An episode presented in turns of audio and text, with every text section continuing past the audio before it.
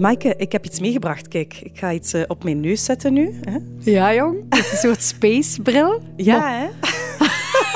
en het is eigenlijk een lichtbril. De Luminette heet ze. En je kan dat hier aanzetten. Er is een knopje. En dan zijn er zo ledlichtjes bovenaan. En een spiegeltje ook. Ja. En daardoor schijnt dat ledlicht op mijn oogleden. En denken mijn hersenen dat ik in het felle zonlicht aan het uh, wandelen ben op dit moment. En kan je dan nog iets zien? Is de bedoeling dat je dat ja, opzet? Ja, ik zet dat elke morgen op tijdens het ontbijt. Zie je? Maar... Er zijn nu regenbogen op mijn oogleden. En zijn uw kinderen daar al aan gewend? Ja, ja, ja, die zien dat niet meer eigenlijk. Dus ik doe dit omdat ik een beetje last heb van winterdepressie en altijd uh, van zodra het zo wat donkerder wordt, zoals nu, eigenlijk heel veel last heb van minder energie en, ja, ja, ja. en mij wat meer down voel. En die bril Dus, uh, simuleert zonlicht. Ja, en dan ben ik weer goed voor een hele dag. En wat ik nu onlangs gemerkt heb, allee, in de maand september eigenlijk, Mhm. is dat ik die bril nog niet nodig had. En andere jaren wel. En weet je dat dat komt? Niet omdat het niet regent, hè?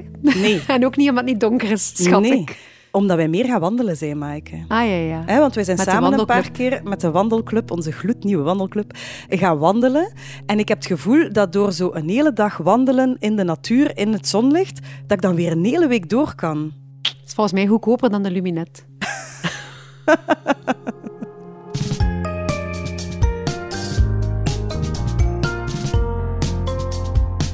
Dit is Studio Brein, een podcast van Breinwijzer over de wondere wendingen van je hersenen. Met Eva Moeraert en Maaike Verstraeten.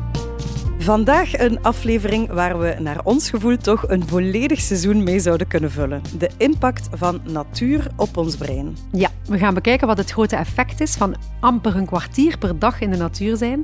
We verkennen het idee van bosbaden en we gebruiken zelfs dure woorden zoals biophilic design. Ja, en we interviewden al onze getuigen in de natuur deze keer. Hoe zalig was dat?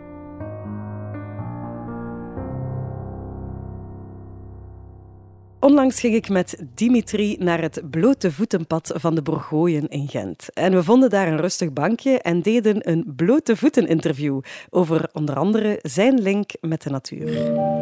Het is eigenlijk uh, altijd super aanwezig geweest in mijn leven. Het is een beetje de rode draad in mijn leven.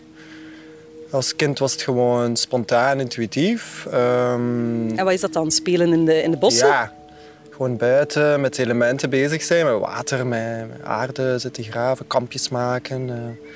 Ja, dan op mijn twaalfde ben ik zo meer bewust geworden van dat het helemaal niet zo goed gaat met de natuur. Dan ben ik eigenlijk daar heel veel mee bezig geweest. Uh, mijn twintiger jaren heel veel met activisme bezig geweest. Um, Lappersvoort, klimaatactiekampen, dat soort dingen zo. En uh, jij werd dan vastgeketend aan die bomen en zo? Uh, nee.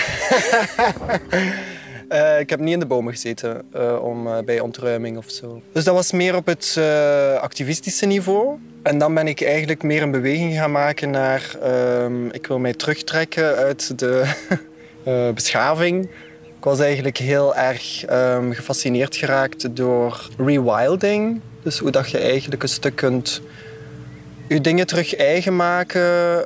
Um, waarop dat je kunt terugvallen, waarop dat je meer veerkracht vindt om in de natuur te, te leven. En, te, um, en dat ging niet tot op een uh, primitivistisch niveau bij mij, maar wel bijvoorbeeld dat ik dan in een jocht gaan wonen ben, uh, omringd door bomen, dat ik in een community ging leven, dat ik... Uh, op permacultuurboerderijen ging werken. Dus ja, Maaike, Dimitri was niet vastgeketend in de bomen, maar wel een heel betrokken milieuactivist. Hij sprak mij over klimaatactiekampen, guerrilla gardening, G8-protesten. Hij deed er allemaal aan mee. Maar cool. Ja, en niet alleen voerde hij dus actie, maar daarna probeerde hij dus ook om zelf te leren overleven in die natuur. Ja, Eva, wat we hier horen bij Dimitri, dat is niet nieuw. Hè? Nee? Al eeuwenlang doen mensen dat. Zich terugtrekken van de stadse drukte en tot rust komen in de natuur. Ik denk aan Thoreau in zijn walden Ah, of ja. Epicurus met zijn tuin. En eigenlijk weten we dus wel dat dat goed voor ons is. Ja, en zeker nu in de, in de afgelopen coronatijden heb ik het gevoel dat iedereen die natuur heeft daar ontdekt of zoiets. Hè? Maar er zijn er weinig die daarin gaan wonen zijn. Hè? Ja, dat is waar. Dimitri heeft het gedaan voor coronatijd. Maar toen hij een zoontje kreeg, besloot hij toch terug te komen naar de stad, naar Aha. Gent. En hij voelde eigenlijk meteen het verschil. De fout die ik gemaakt heb, is dat we heel snel beslist hebben voor een huisje. Uh, we hadden ook niet veel tijd, we hadden geen geld, dus het was zo'n beetje hè, een hele foute keuze, want het was een donker huis waar bijna geen licht binnenkwam, waar vanuit de living eigenlijk we uitkeken op een muur.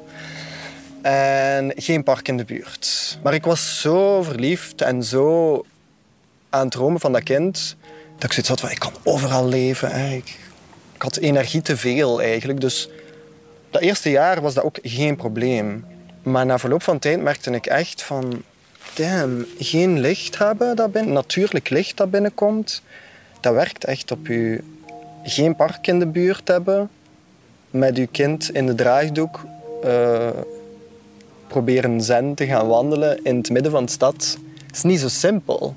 Ik ben er enorm van geschrokken hoe dat ik na drie jaar in dat huis eigenlijk gewoon een schaduw van mezelf was. Terwijl ik kwam van, ik voelde me heel gezond, heel, heel erg in mijn kracht. Ik had mezelf geaccepteerd als wie, dat ik, ben.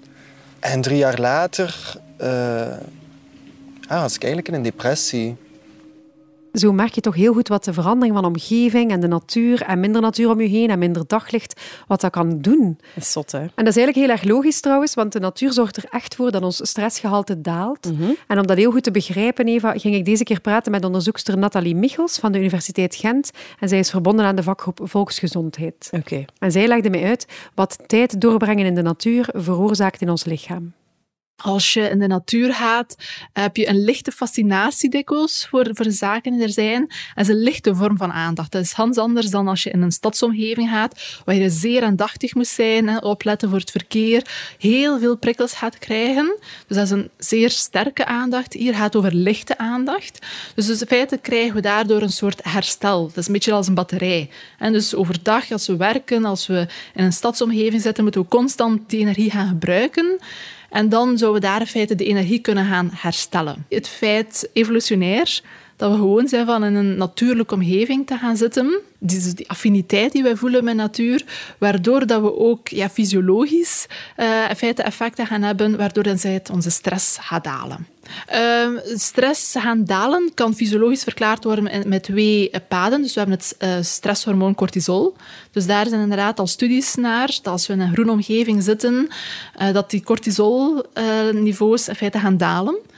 En daarnaast heb je ook het uh, zenuwstelsel, en dus de activiteit in het zenuwstelsel, uh, die in feite ook op een lager pitje gaat zetten. En dus in plaats van op de has, gaan we in feite op de rem gaan duwen. Uh, dat zijn de effecten die natuur zouden kunnen hebben op onze stressfysiologie. Ja, en ook op het brein heeft het veel invloed, Eva, in de natuur zijn. Want in een stedelijke omgeving is je neocortex, dat is eigenlijk het deel achter je voorhoofd, het meest recente hersendeel, mhm. is dan heel actief. Dat is je rationele brein. Terwijl in een natuurlijke omgeving zijn er veel minder verontrustende prikkels. En dan is er veel ruimte voor je limbisch systeem. Dat is eigenlijk een ouder deel, evolutionair gezien, om actief te zijn. Dus dan heb je een heel andere hersenwerking. Dus inderdaad, door die natuurfactoren in onze omgeving gaan we soms iets meer reflecteren actief gaan starten denken. Dus we gaan onze wereld wat verruimen, uh, niet meer constant zitten denken aan dat werk. Dus terug die aandacht die een beetje kan, uh, kan verzet worden. Het is wel aangetoond dat uh, het creatief denken verbetert. Dus dat is zeker bij hersenonderzoek testjes, maar ook echt fysiologisch, dus met beelden. En dus MRI-scans uh, of uh, de elektrische signalen. En dus een elektroencefalogram, daar hebben ze ook al onderzoeken gedaan. Dus er is enerzijds een effect omdat we evolutionair in die natuur thuis horen. En dat mhm. brengt ons rust, ook psychologische rust. En er is anderzijds een effect in ons brein omdat we andere prikkels ervaren in de natuur, waardoor we een zachtere aandacht krijgen, een andere cognitieve activiteit en meer creativiteit. Ja, ik vind dat wel herkenbaar eigenlijk. Want ik kent dat wel zo van die dagen dat je het bos door de bomen niet meer ziet, dat er zoveel in je hoofd zit. Ja. Uh, en dat ik denk dat ik daar niet meer ga uitgeraken. Maar als je dan gaat wandelen, dan precies stap voor stap wordt alles makkelijker. En tegen het einde van die wandeling denk ik dan, waar heb ik me eigenlijk druk over hmm. gemaakt? Nu is het duidelijk. Hè? Ja. En niet alleen die beweging, en dat groen zorgt daarvoor trouwens, Eva. Je zou eigenlijk kunnen zeggen dat in de natuur gaan stappen een soort all-round ervaring is. Mhm. Want al je zintuigen zijn betrokken. Bijvoorbeeld je gehoor. Daar kunnen we niet aan uit. Als we in de natuur gaan, horen we geluiden die we in de stad minder, tegenwoordig wel iets meer, omdat we daar proberen voor te werken, maar minder horen, eh, zoals vogels. Daar is ook onderzoek rond gebeurd dat vogelgeluiden in feite die stress kan reduceren. Andere geluiden dat ik aan denk, uh, is over water. opnieuw die, dat kabbelende water, dat wel ja, die, die rust gaat brengen. Dus dat zijn de typische geluiden. Dat is iets minder bewust en tegenwoordig denken we dikwijls niet meer aan geuren. Ehm, maar daar is opnieuw onderzoek, maar toch veel minder. En dat is nog iets dat we nog meer moeten gaan onderzoeken, welk effect dat geuren hebben. Maar wat we daaraan denken is bepaalde fruitgeuren, dus citrusgeuren, bepaalde bloemengeuren zoals lavendel, uh, gras. Dat zijn wel de zaken die je kan connecteren met natuur en die toch wel onderzocht worden voor hun rustgevende effecten. Uh, het idee is dat daar vooral herinneringscentra in uw hersenen worden gestimuleerd. En die geur ligt heel dicht bij een ander zintuig, dat is de smaak. Als wij proeven, uh, mijn verkoudheid, dus als uw neus verstopt zit, ga je veel minder proeven. Dus proeven is een deel ruiken. Dus vandaar ook dat, uh, dat er daar onderzoek aan zijn. Maar ja, zoals je ziet, ik ben vertrokken van zeer ja, een, een, domein dat zeer veel onderzocht is, naar domeinen die heel weinig onderzocht zijn. Dus het proeven, daar is bijna geen onderzoek naar. Dus daar kan ik ook geen sterke uitspraken over doen. Dat is ook een domeintje dat wij hopen uh, verder te gaan onderzoeken. Kan het effect hebben op, op de smaken die we gaan meemaken? Ja, ik ben heel benieuwd naar dat uh, onderzoek dat Nathalie misschien gaat doen. En al die zintuigen, hè, die doen mij weer denken aan Dimitri, die ondertussen wel een manier heeft gevonden om de natuur dichter bij hem te brengen. Ah, oké. Hij geeft nu les op een middelbare school en hij leert daar tieners uh, bij over tuinieren in de schoolmoestuin. Mo. Dus hij heeft er gewoon voor gezorgd dat zijn job in de natuur is. Ja, slim. Ja, en een van de oefeningen hè, die hij daar altijd met die tieners doet, is de sitspot. Je kiest een plekje in de tuin en je gaat daar elke keer doorheen de seizoenen altijd vijf minuutjes op dat, precies datzelfde plekje zitten. Je gebruikt je vijf zintuigen, of meerdere, om alles waar te nemen. En dus je gaat proberen ruiken, je gaat rondom kijken. Wat zijn de kleine beestjes die je kunt zien? En je interageert niet. En dat kan heel erg helpen om zo je bewust te worden van details, van schoonheid. Want de natuur inspireert ons ook tot schoonheid. Het is niet alleen allemaal functioneel. Een vogel zingt niet alleen om uh, een boodschap over te brengen naar een andere vogel, maar ook gewoon omdat het schoon is. Oh, wat een zalig idee. Ik ga ook een sitspot uitkiezen in mijn tuin. Ja, tof hè. Maar moet je eigenlijk een tuin hebben om dat effect te krijgen? Want ik herinner mij in de aflevering over muziek en geluid hadden we het over dat vogelgezang en het belang ja. daarvan, hè, dat je daar rustiger van wordt. Maar dat kon je ook opwekken met vogelzangopnames eigenlijk. Ah, ja, ja. Vraag mij af of dat, dat hier ook kan maken. Uh, wat doet een foto van een boom of de geur van een bos in een olietje met ons? Ja, blijkbaar echt kan je het dus zo simpel en klein doen. Ah, ja. In het boek The Nature Fix van Florence Williams vat zij alle onderzoek of heel veel onderzoek naar het effect van de natuur op de mens samen. Mhm. Mm -hmm. En dan komt ze tot zes stapjes om vaker op een hele kleine manier intenser de natuur in je leven te brengen. En wat zijn die zes stappen dan? Ten eerste door naar de natuur te kijken. En dat kan dus in het echt, maar dat kan ook door het raam of op een filmpje of een foto. Je kan een foto in je, op je bureaublad zetten van je laptop bijvoorbeeld. Ah ja, ik heb dat. Ah, dat is al een goed idee. Ten tweede door te luisteren, hè, die andere die oren te gebruiken. En dat Ja. kan in het echt, maar ook op band, zoals Mhm. je al zei, met die vogelgeluiden. Ten derde door te voelen, met je handen in de aarde zitten, ook bij planten in je keuken bijvoorbeeld. Of het gras onder je blote voeten voelen, of de blaadjes van een muntplant als je aan het koken bent. Ten vierde door te ruiken. Dus bijvoorbeeld buiten ruiken aan bomen of planten of aan Ja. eten dat je klaarmaakt. Maar ook door etherische olie of gedroogde lavendel in een zakje. Ah, toch ook, Dat werkt ja. allemaal. Dus als ik mijn kleerkast open doe die naar lavendel ruikt, dan word ik daar helemaal rustig van, of wat? Ja, dat werkt dus al. Maar het allermeeste effect heeft toch om echt in de natuur te zijn. Ja. En daarvoor heb je minstens vijf uur per maand nodig, zeggen ze. Ze plakken daar natuurlijk gewoon een getal op. Dat is gebaseerd op al die onderzoeken. Maar ongeveer vijf uur per maand Ja. zou echt al een verschil maken. Ja, dat valt eigenlijk wel mee. Hè. Als je dat uitrekent, is dat ongeveer 10 minuten, een kwartier per dag in de natuur. Ja, va, hè? Dat is eigenlijk haalbaar, toch? Ja, ja. De laatste conclusie die Williams trekt in haar boek trouwens is misschien iets minder haalbaar, Mhm. maar ook wel eh, uitdagend. Zij zegt namelijk dat we allemaal minstens één keer per jaar echt enkele dagen zouden moeten kunnen ons onderdompelen in de wilde natuur. Ah, ja. Bijvoorbeeld aan een ongerept eh, bos of aan een natuurlijke zee of in een soort mini-wildernis om er helemaal deel van uit te gaan maken. Ja, ik heb wel het gevoel dat ik daar ook goed bezig ben. Hè? Want eh, als wij op vakantie gaan, gaan wij kamperen in de natuur. Dit jaar bijvoorbeeld in de Alpen zijn we Ja. geweest. Of in de Vogezen, dat hebben we gehoord in de aflevering van Muziek en Geluid, met uw koeienbellen. Mijn koeienbellen in de Vogezen. Ja, ik heb heel veel natuur gezien dit jaar. Ik kan me niet voorstellen dat wij alleen naar een stad op reis zouden Ja. gaan. Dat is echt wel een must geworden. En dat doet mij ook weer denken aan Dimitri trouwens. Om in de natuur te zijn, dat dat iets is wat we associëren met vakantie. Dan hebben we de tijd en de rust om een keer te connecten met de zee en de zon en het bos. En dan dat associëren we met trager leven en bewuster zijn. Echt genieten van uw eten. Eigenlijk zouden we dat moeten kunnen integreren in ons leven. Voilà. In plaats van een bad nemen, moeten we dus vaker bosbaden. ben jij trouwens al eens gaan bosbaden, Eva?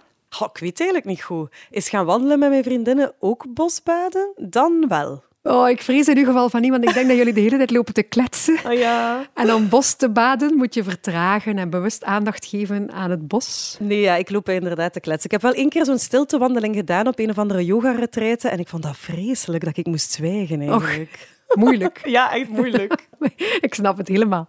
Maar in Japan is bosbaden dus een serieuze activiteit op zich. Oké. Je noemt daar Shinrin-yoku, als ik het goed uitspreek. En na 30 minuten in het bos merk je dus al effect. Dan daalt je hartslag, dan daalt je bloeddruk, dan vergroten je cognitieve vermogens en dan heb je meer creatieve gedachten. Ah, oké. Zoals Nathalie Michels ook al zei. Maar wat we nog niet vermeld hebben, dus behalve het feit dat je bewust aanwezig moet zijn in de natuur en Ja. met aandacht eh, voor het groen en zo, is dat er ook vluchtige stoffen zijn die afgescheiden worden door de bomen en bacteriën uit de bodem en de planten en de lucht die een krachtig effect hebben op de mens. Ah ja. Net zoals wij zelf bacteriën hebben, en bijvoorbeeld nu typisch hè, aandacht aan de darmbacteriën, is ook de natuur rijk aan bacteriën. Elke plant heeft zijn eigen bacteriën en de- en de bodem zitten heel veel bacteriën. Die zitten ook in de lucht uiteindelijk verspreid.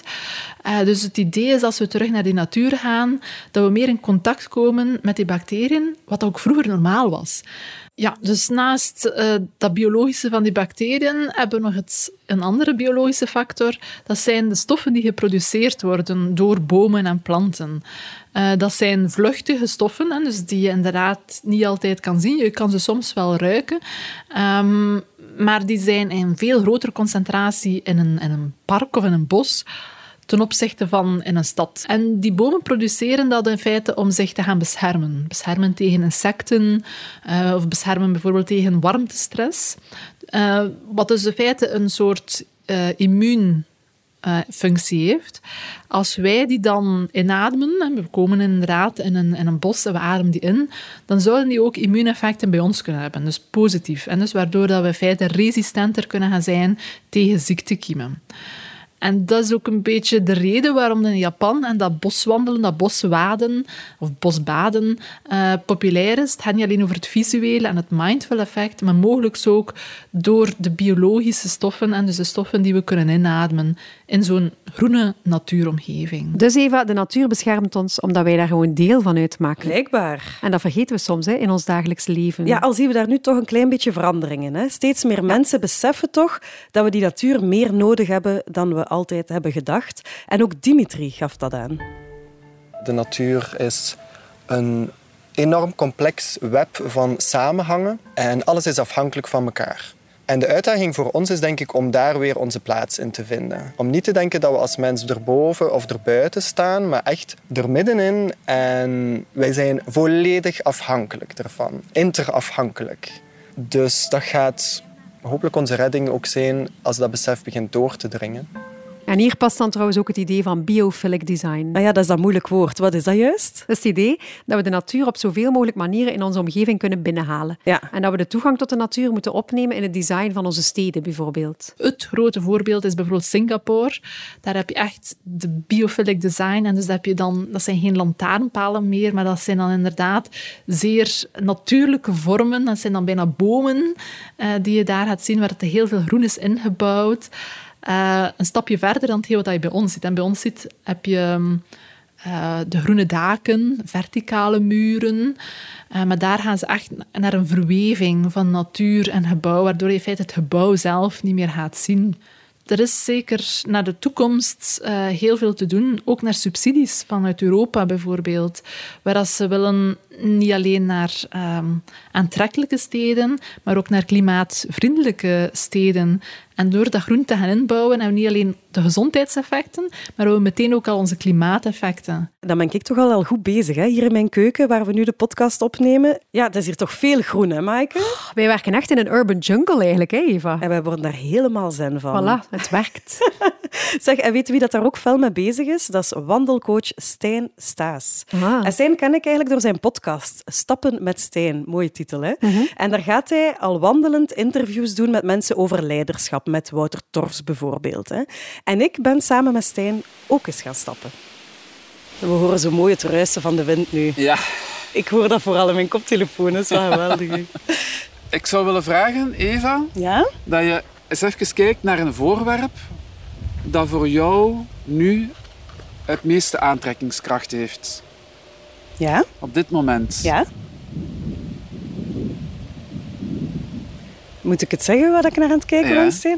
Er staat daar zo'n boom en die is afgekrakt. Ja, Door de bliksem, door de wind, weet ik veel. Die is zo wat gespleten bovenaan. ja. Dus eh, het is eigenlijk een hoek van 90 graden geworden. En eh, ja, die boom die trekt mij nogal aan nu. ja. En wat, wat gevoel roept dat eigenlijk bij jou op die boom?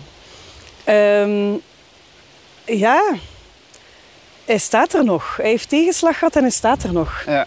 Dat gevoel roept dat op. En, en hij is nog vier ook.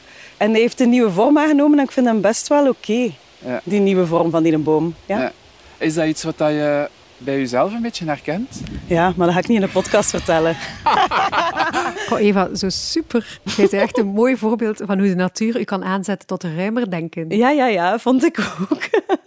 Zeg, en ook Nathalie Michels is fan van werken in de natuur, want zij heeft het nogal voor wandelvergaderingen bijvoorbeeld. Het kan gesprekken wel verbeteren. Ik bedoel, als je lijnrecht tegenover elkaar aan een tafel zit, is dat een andere context dan samen al wandelend over iets spreken. Je gaat dikwijls creatiever denken, meer openstaan voor de ander dikwijls. Dus het, als het geen gezondheidseffect heeft, heeft het mogelijk wel een effect op, op het resultaat van dat uurtje vergaderen. Ja, en dat is exact wat Stijn ook aanvoelt hè, als hij gaat wandelen met zijn klanten. Ja, de natuur, sowieso al buiten in de natuur lopen, daar hangt een andere energie als in de stad. En in de, in de stad heb je heel veel geluiden, heel veel afleidingen. Ja. Ehm, terwijl als je hier gewoon buiten loopt, als we even stilstaan, je ziet niets. Nee. Ja, je ziet veel. veel. groen. Hè? Je Ja. ziet veel groen, maar groen is ook de kleur die dat, u, die dat zachtheid te- teweeg brengt. Hè.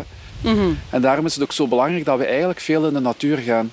En als je dan gewoon met stappen met Stijn of met iemand anders, ja, Ja. dat maakt mij niet uit eigenlijk, maar kom je eigenlijk automatisch tot rust. Waardoor dat je veel gerichter kunt, ik zal niet alleen zeggen nadenken, maar ook kunt voelen over de problemen of over de uitdagingen waarvoor dat je staat. En dat zijn processen die veel sneller tot stand komen dan wanneer dat je dat in een kantoortje doet. Dus vanaf nu organiseren we een wandelbrainstorm bij elke podcastaflevering. Eva, wat denk je? Ik ben helemaal fan. En eigenlijk hebben we dat al een stukje gedaan hè, de afgelopen tijd. Ja, zeg, zou ik trouwens een voorschrift van de dokter kunnen krijgen voor een uurtje natuur per dag? Dat zou mij wel deugd eigenlijk.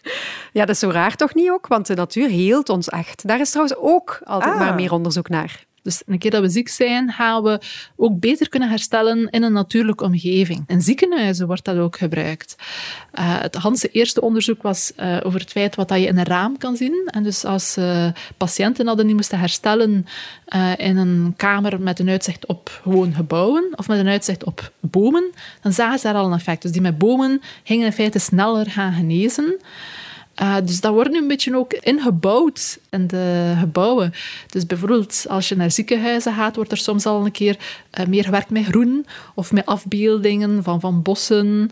Dus die zaken worden wel ingebouwd. Ook bij de herintegratie van, van gevangenen bijvoorbeeld, of mensen met bepaalde gedragsproblemen. Um, hyperactiviteit, autisme zijn wel zaken waar dat er nu wel wordt geëxperimenteerd met ja, die natuur als, als een vorm van herstel en ja, het, het terug tot rust komen. Maar zeker ook het fysieke. Dus revalidatiecentra die meer en meer gaan gebruik maken van ja, een stukje natuur. Oké, okay, dus vanaf nu doen we alles wat we normaal binnenshuis doen, buiten. Uh, alles?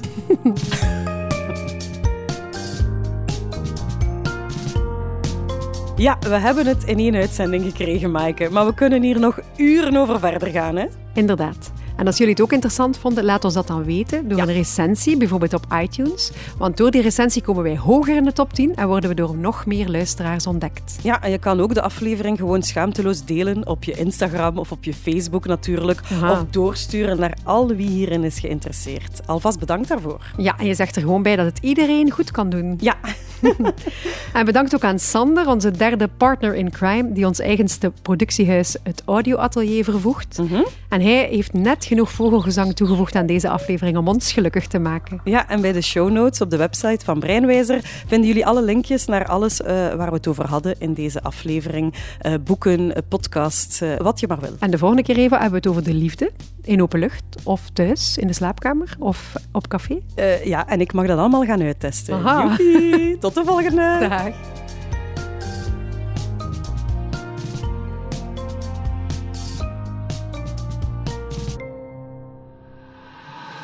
Studio Brein is heel trots lid van het podcastgezelschap Luister met UY.